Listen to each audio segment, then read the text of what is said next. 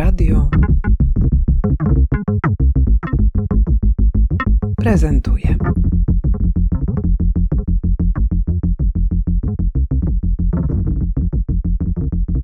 Magdalena Komornicka, kuratorka wystawy Niepokój przychodzi o zmierzchu, którą można oglądać w Zachęcie do 16 października jeszcze.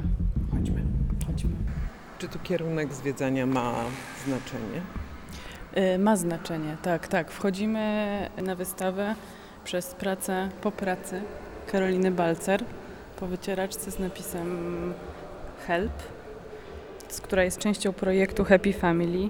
Projektu, który też niedawno było można oglądać w miejscu projektów Zachęty.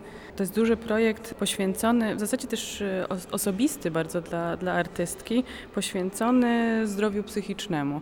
Bardzo ważna praca i, i, i w- istotny element też wystawy Niepokój przychodzi o zmierzchu. To, to, to, co jest ważne, wydaje mi się to, że Karolina Balcer łączy w tym projekcie nie tylko działalność artystyczną, ale też edukacyjną. I to jest ten bardzo is- istotna kwestia dla bardzo wielu osób biorących udział w wystawie.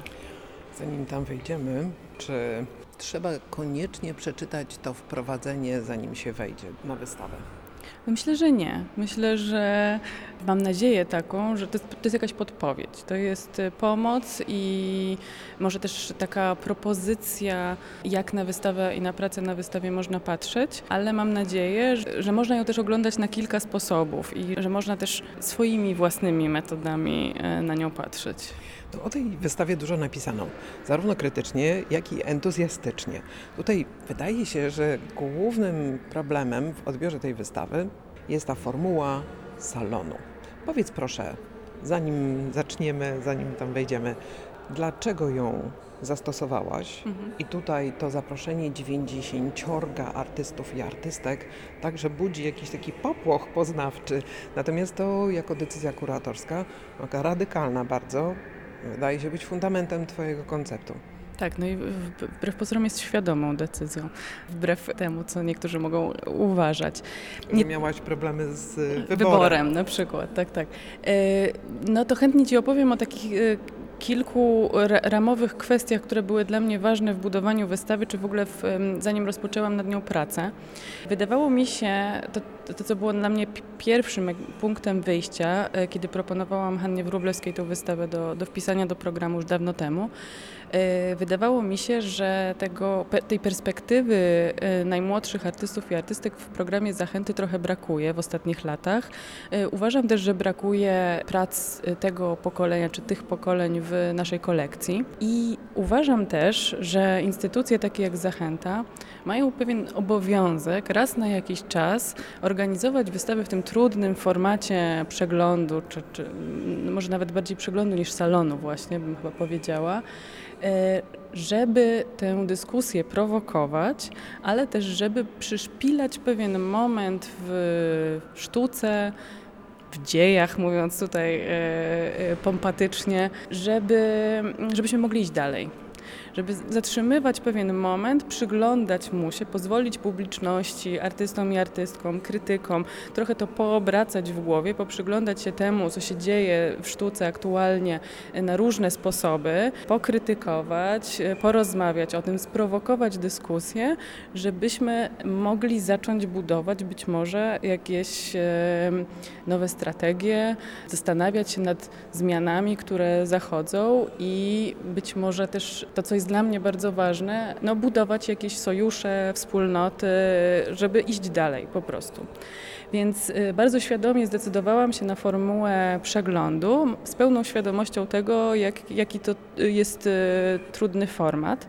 Natomiast ostatnia tego typu wystawa, to, do której jakby nie sposób się nie odnieść w tym kontekście, to wystawa Co widać, Sztuka Polska Dzisiaj, która miała miejsce w MSN w 2014 roku, której kuratorami był Sebastian Cichocki i Łukasz Ronduda.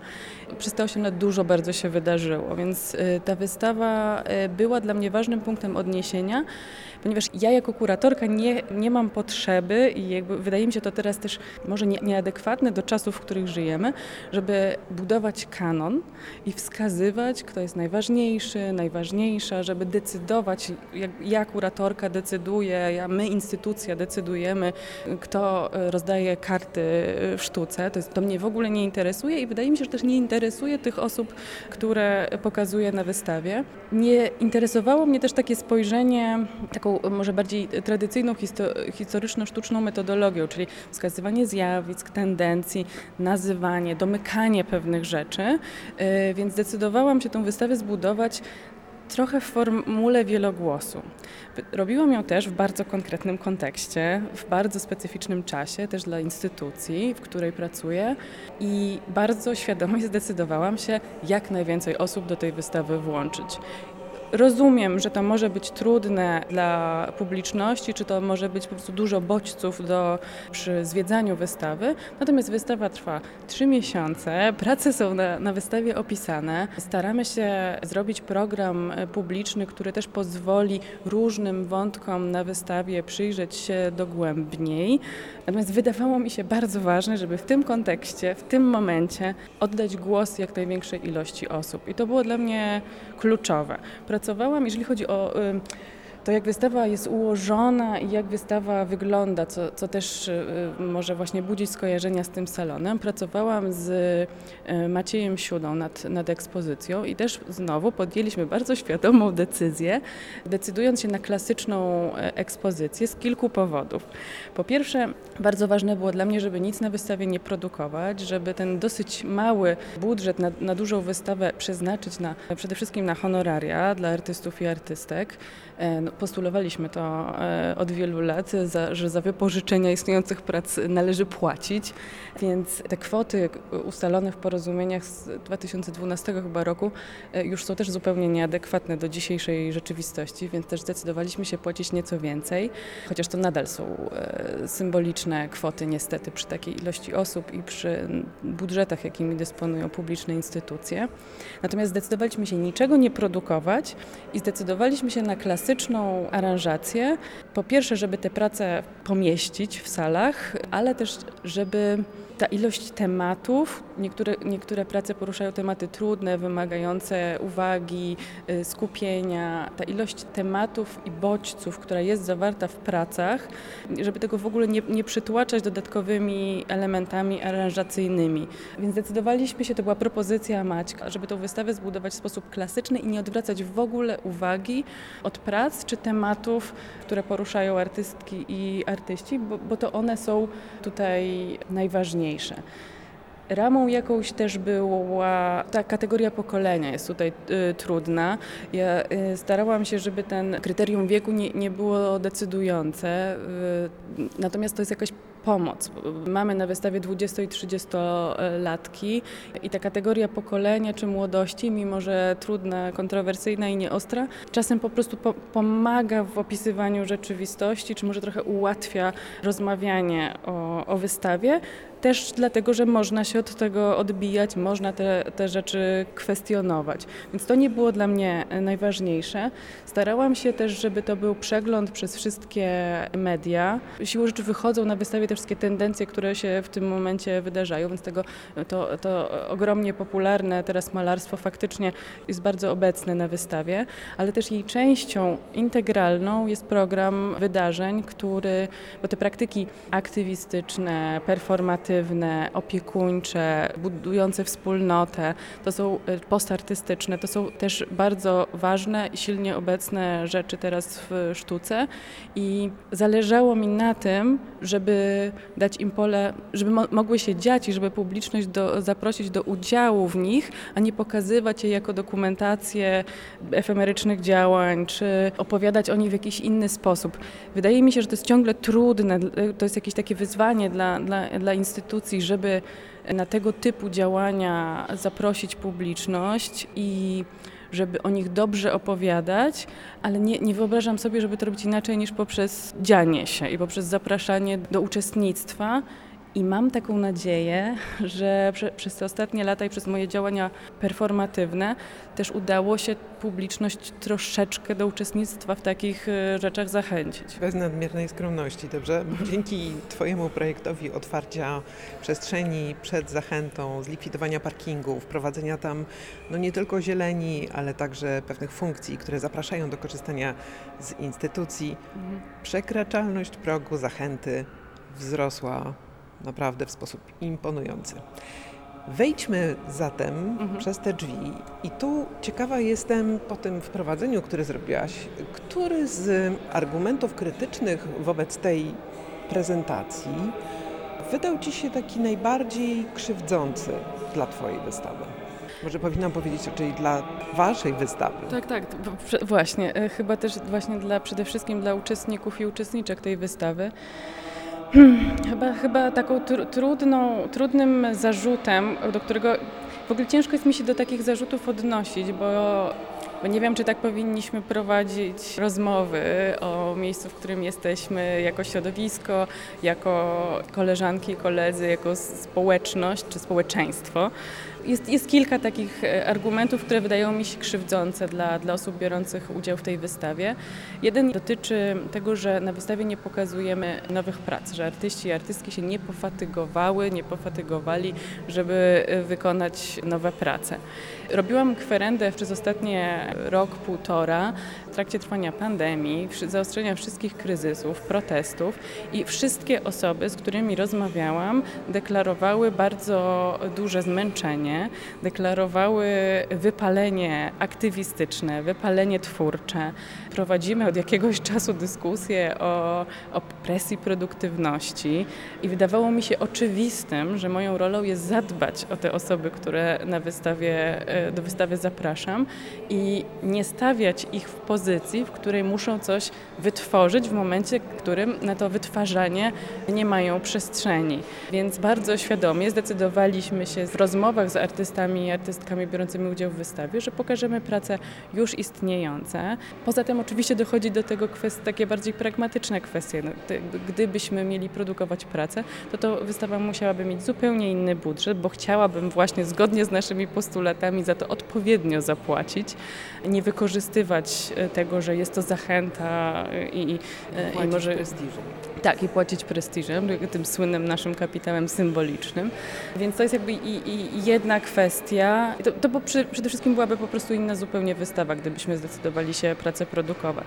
Drugim chyba ważnym elementem i, i szkodliwym bardzo, e, nie tylko jeżeli chodzi o środowisko artystyczne, tylko szkodliwym społecznie, jest e, krytykowanie tego powszechnego w tych pokoleniach podejścia do zdrowia psychicznego, terapii, depresji, do mówienia o tych tematach. Ja uważam, że to jest ogromna siła i bardzo wiele osób biorących udział w wystawie ma nie tylko własne doświadczenia na tym polu, więc to, to osobiste historie, ale też ma doświadczenie e, właśnie edukacyjne i utożsamianie tego kryzysu zdrowia psychicznego, y, czy mówienia o, o depresji z narcyzmem w sytuacji, w której kryzysu ogromnego, w zasadzie w, w państwie, w którym nie istnieje psychiatria, psychologia dziecięca, w którym to, ten temat zdrowia psychicznego jest ciągle stygmatyzowany, kiedy obserwujemy wzrastające statystyki, no na przykład, nie wiem, samobójstw, to, to jest po prostu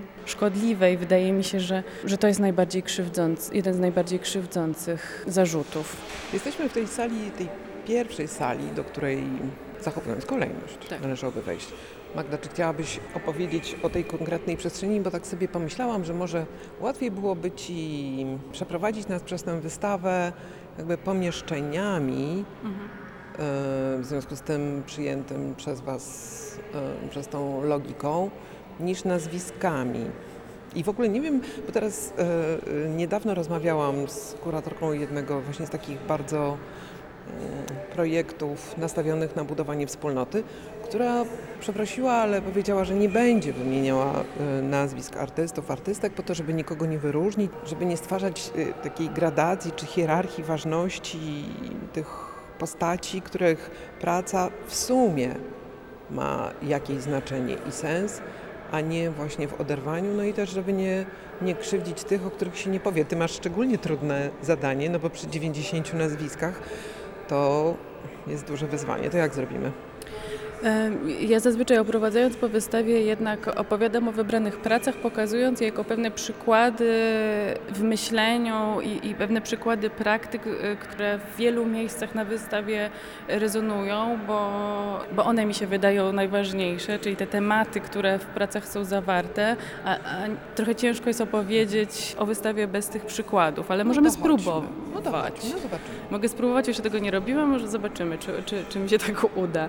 Ta pierwsza sala jest taką propozycją zwrócenia uwagi na, na tą wrażliwość, emocjonalność, nazywanie, umiejętność nazywania e, emocji, też tych trudnych czy stanów e, emocjonalnych, więc e, w tej sali zgromadzone są prace, które są bardzo często osobistymi wypowiedziami na przeróżne tematy. Bardzo nam wszystkim myślę, że, że bliskie, bo właśnie pojawiają się tematy nie tylko związane ze zdrowiem psychicznym, ale z miłością, z tymi emocjami związanymi z, z pierwszą miłością, czy nieodwzajemnioną miłością.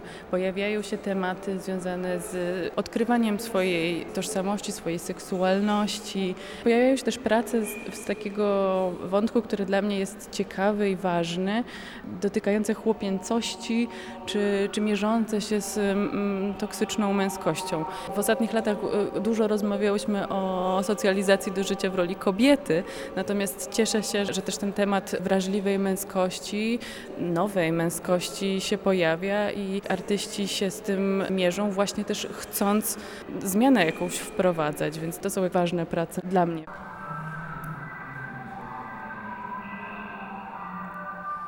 Próbowałam ułożyć wystawę tak, żeby te prace, które są poświęcone szeroko rozumianej przemocy, bo jest ich bardzo dużo na wystawie, prowadziły nas dalej. Ten temat przemocy, który jest bardzo istotny, chciałam, żeby wracał trochę jako niekończące się zmaganie, bo bo to jest coś, co bardzo wybrzmiewa w ostatnim czasie.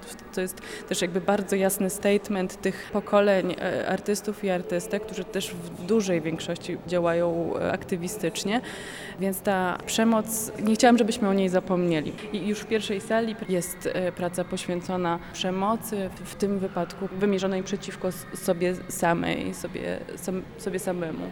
To jest ta grupa rzeźb. Tak, tak. Fotografie, kolaże fotograficzne i rzeźby, które też są wykonane z fotografii. Opowieść też z perspektywy o tej przemocy wobec samego siebie, z perspektywy osoby z doświadczeniem wykluczenia, z perspektywie osoby queerowej. Ile czasu zabrało Ci przygotowanie listy prac, zastanawianie się, co ostatecznie zostanie pokazane? Ja, ja w ogóle postanowiłam trochę inaczej pracować niż, niż do tej pory przy tej wystawie. Pracując w tej formule przeglądu, postanowiłam, że najpierw e, zrobię kwerendę, możliwie jak najbardziej obszerną i dopiero będę w ramach tej bardzo dużej próby szukała tego, co wspólne. Też nie wybierała prac pod temat, tylko starałam się wybierać razem z artystami i artystkami prace, które w mojej ocenie, czy też właśnie w, w, w dyskusji z nimi najlepiej opowiadają o ich e, praktykach i są ich najlepszą reprezentacją. E, Dlatego czasem są to pojedyncze prace w, w sytuacji, w której e, o tej praktyce można w ten sposób opowiedzieć, a czasem jest to jakiś pełniejszy wybór, żeby te cele i, i- i jakby niuanse praktyki mogły lepiej wybrzmieć i, i były przez publiczność zauważone i zrozumiane. Więc działałam na takiej prostej zasadzie, że proponowałam swój wybór i zaczynała się rozmowa.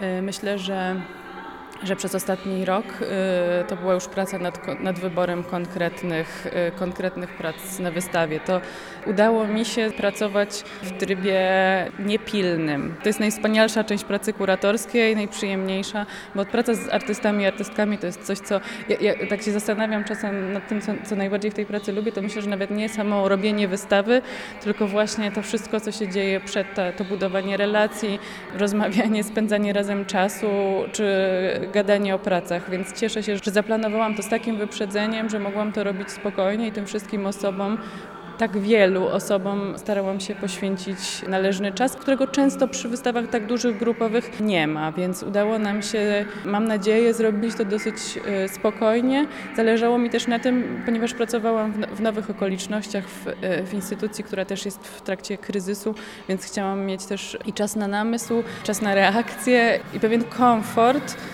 Wszyscy się tego uczymy, dużo też o tym rozmawiamy, więc starałam się sobie i osobom, z którymi pracuję, e, ten komfort pracy zapewnić i okazuje się, że się da. No tutaj jesteśmy w takiej sali ne- negatywowej, to znaczy, że tutaj są prace wydobyte sposobem oświetlenia. Czy to ma jakieś szczególne znaczenie?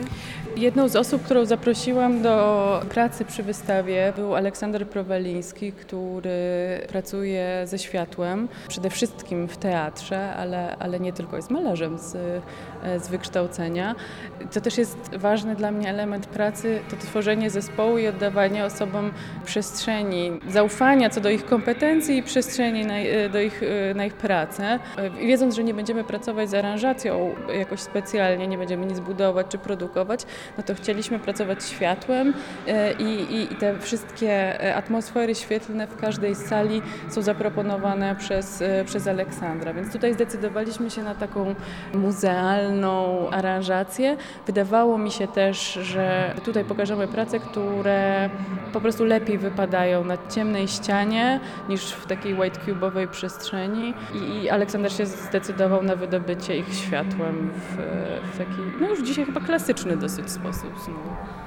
W tej sali zgromadzone są prace, które mierzą się z tym, co chyba jest też dla bardzo wielu wie- z nas e, ważne w tym momencie, czyli z tymi e, historycznymi czy politycznymi narracjami.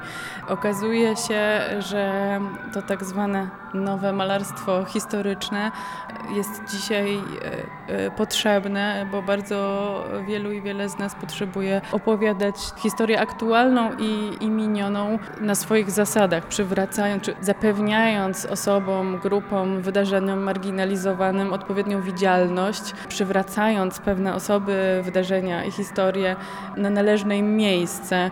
A czasami stwarzając na nowo zupełnie jakieś możliwe scenariusze rozwoju historii.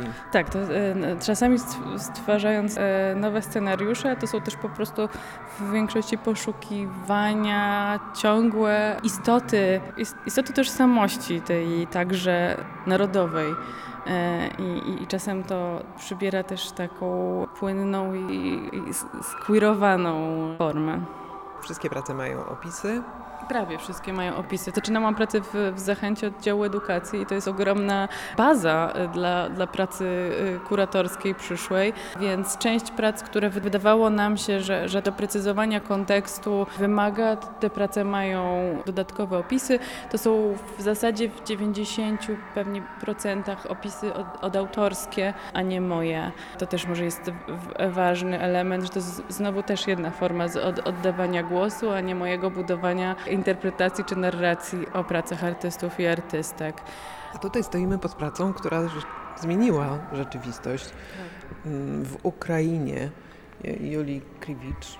No to już powiedzmy, Ale Bogna, Bogna to powiedziała, to nie? ja powiedziałam. No faktycznie w, spowodowało zmianę też nastawienia Rady Języka Polskiego i w tej chwili jest taka interpretacja, że można stosować zarówno tę starą formę, która jest bardzo dyskusyjna i właściwie ja już ją wyparłam ze swojego zasobu i zamiast tego uznawać właśnie suwerenność, niepodległość i samostanowienie Ukrainy, mówiąc w Ukrainie. Także sztuka, sztuka zmienia świat, tak? To Oczywiście. Też, no. To, to jest ciekawe, bo ta, ta praca jest z 2019 roku, więc jak na zmiany wi- zachodzące w języku powszechnie, to to jest bardzo krótki czas, prawda? Ale pewnie e, no, myślę, że, że inwazja Rosji w Ukrainie też że unaoczniła ten problem, bo nie wiem dlaczego z feminatywami nam idzie jakoś du- dużo wolniej. Wolniej, ale, Ale idzie. skutecznie, ale idzie, idzie. Tutaj tak jakby kontynuacja chyba tamtej sali, tylko w trochę w innym nastroju. Nadal moim zdaniem ta polityczność, y, tylko tym razem może domowego ogniska, wy, wybrzmiewa w tej, w tej przestrzeni. Jest ona tutaj dla mnie ważna. Niedzielny, rodzinny obiad jako źródło cierpień. To było jakieś takie, jest hasło przewodnie, czy, czy, czy taka przewodnia myśl tej sali. I myślę sobie, że chyba bym chciała przeczytać, co o, y, o jednej z, z prac mówi jej autorka, bo bardzo lubię tę, ten autorski opis i też oddam tutaj głos artystce Karolinie Konopce, powiem nazwisko, bo jak już skoro już ją zacytuję. Artystka opisuje swoją pracę tak. Krojenie ojczyzny na kawałki, rozczłonkowywanie i pożeranie orła to osobliwy rytuał, który zakrawał symboliczny kanibalizm i może powodować zgagę. Słodka przelana krew przemienia się w jeszcze słodszy lukier, a województwa, miasteczka, wsie, rzeczki, łączki, jeziora i jeziorka powoli toną w sokach żołądkowych. Polska zbudowana na śmietanie i biszkoptach z dużą ilością spulchniaczy rozpada się. Wchłanianie ojczyzny przez żołądek do serca przypomina pewien rodzaj Eucharystii. Zjadając Polskę stajemy się jej częścią, cierpimy razem z nią i za nią i to w znaczeniu dosłownym. Bardzo, bardzo lubię, e, e, bardzo lubię to e, podejście do pracy i opowiadanie z taką em, ironią i, i, humorem, ale jednak o trudnych, abstrakcyjnych i, i takich często, często ciężkich do, do wskazania czy nazwania sprawach.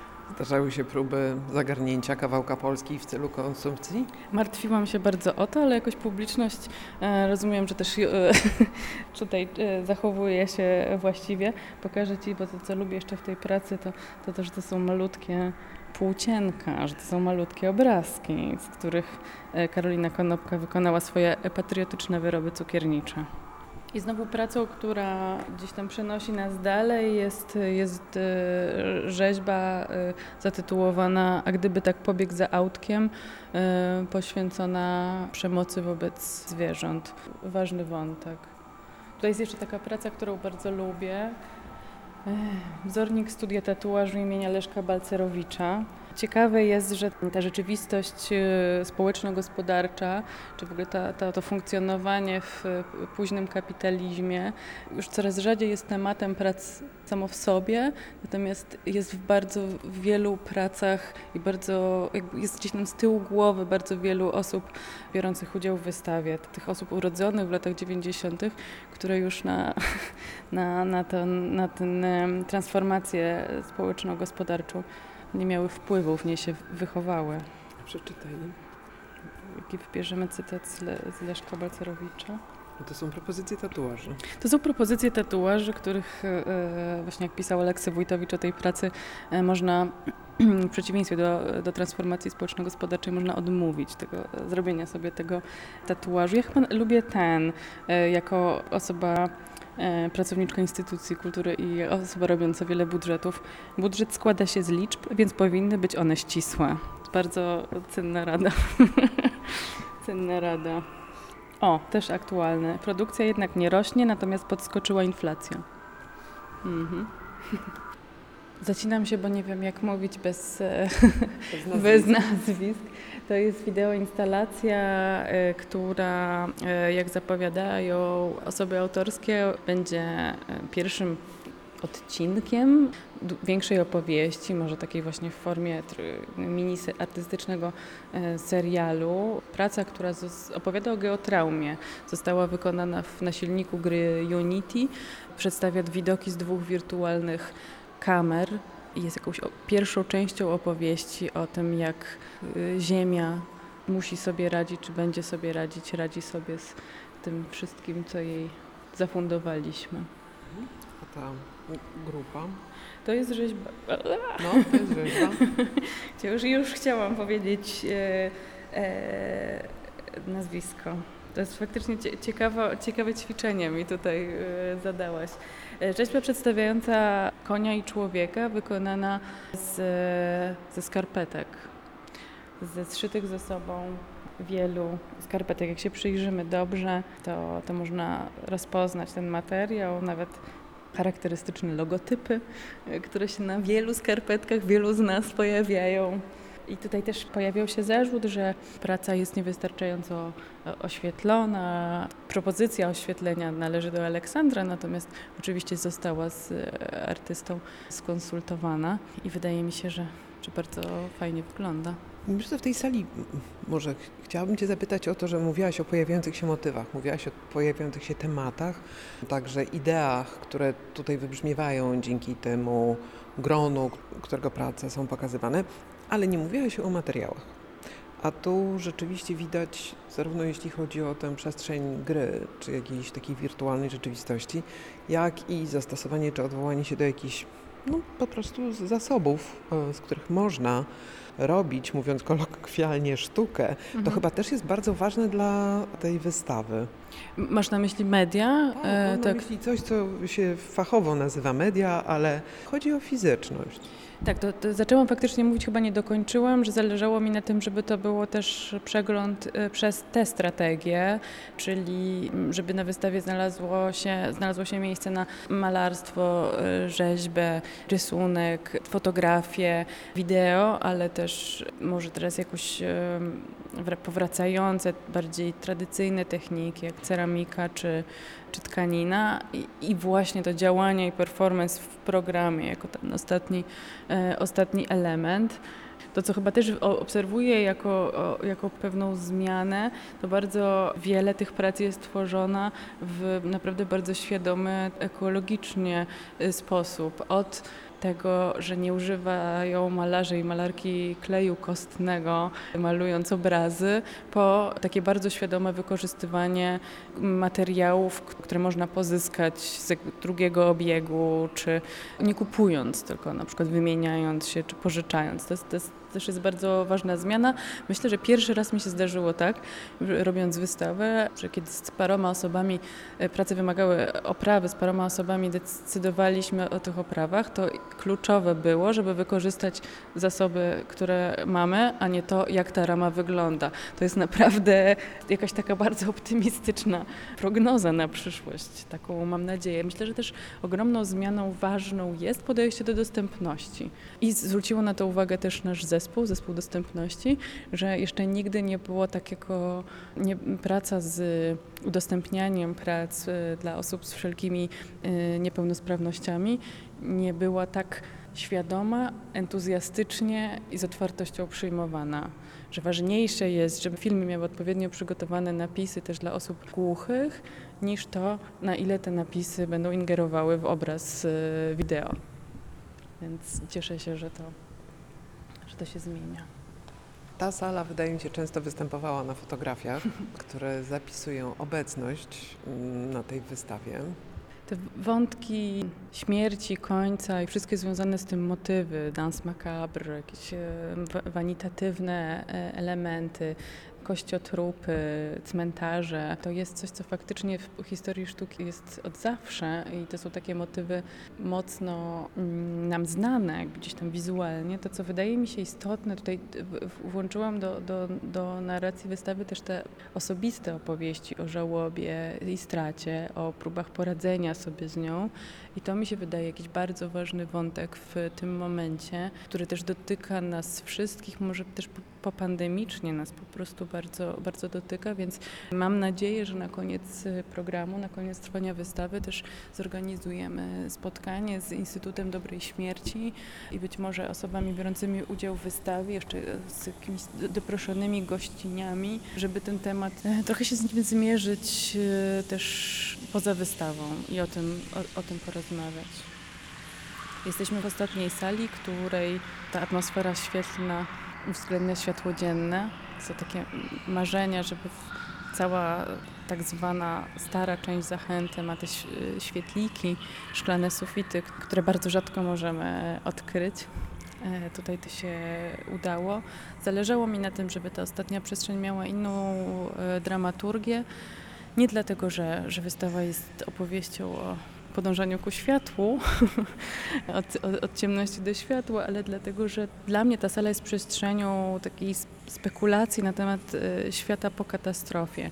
Mieszania się tych wszystkich rozważań i prób e, szukania narzędzi, strategii dotyczących opisywania tego, co nas czeka, co może nas czekać i jak, jak możemy w tym być razem. Więc mieszają się prace poświęcone relacji człowieka z naturą, ale też te, które dotykają tematu obrzędów, rytuałów, magii, czarów, snów, fantazji. Może nie, jest jeszcze, nie są to odpowiedzi na nurtujące nas pytania, ale takie jakieś propozycje do budowania nowego języka, czy właśnie sprawdzania nowych, innych narzędzi.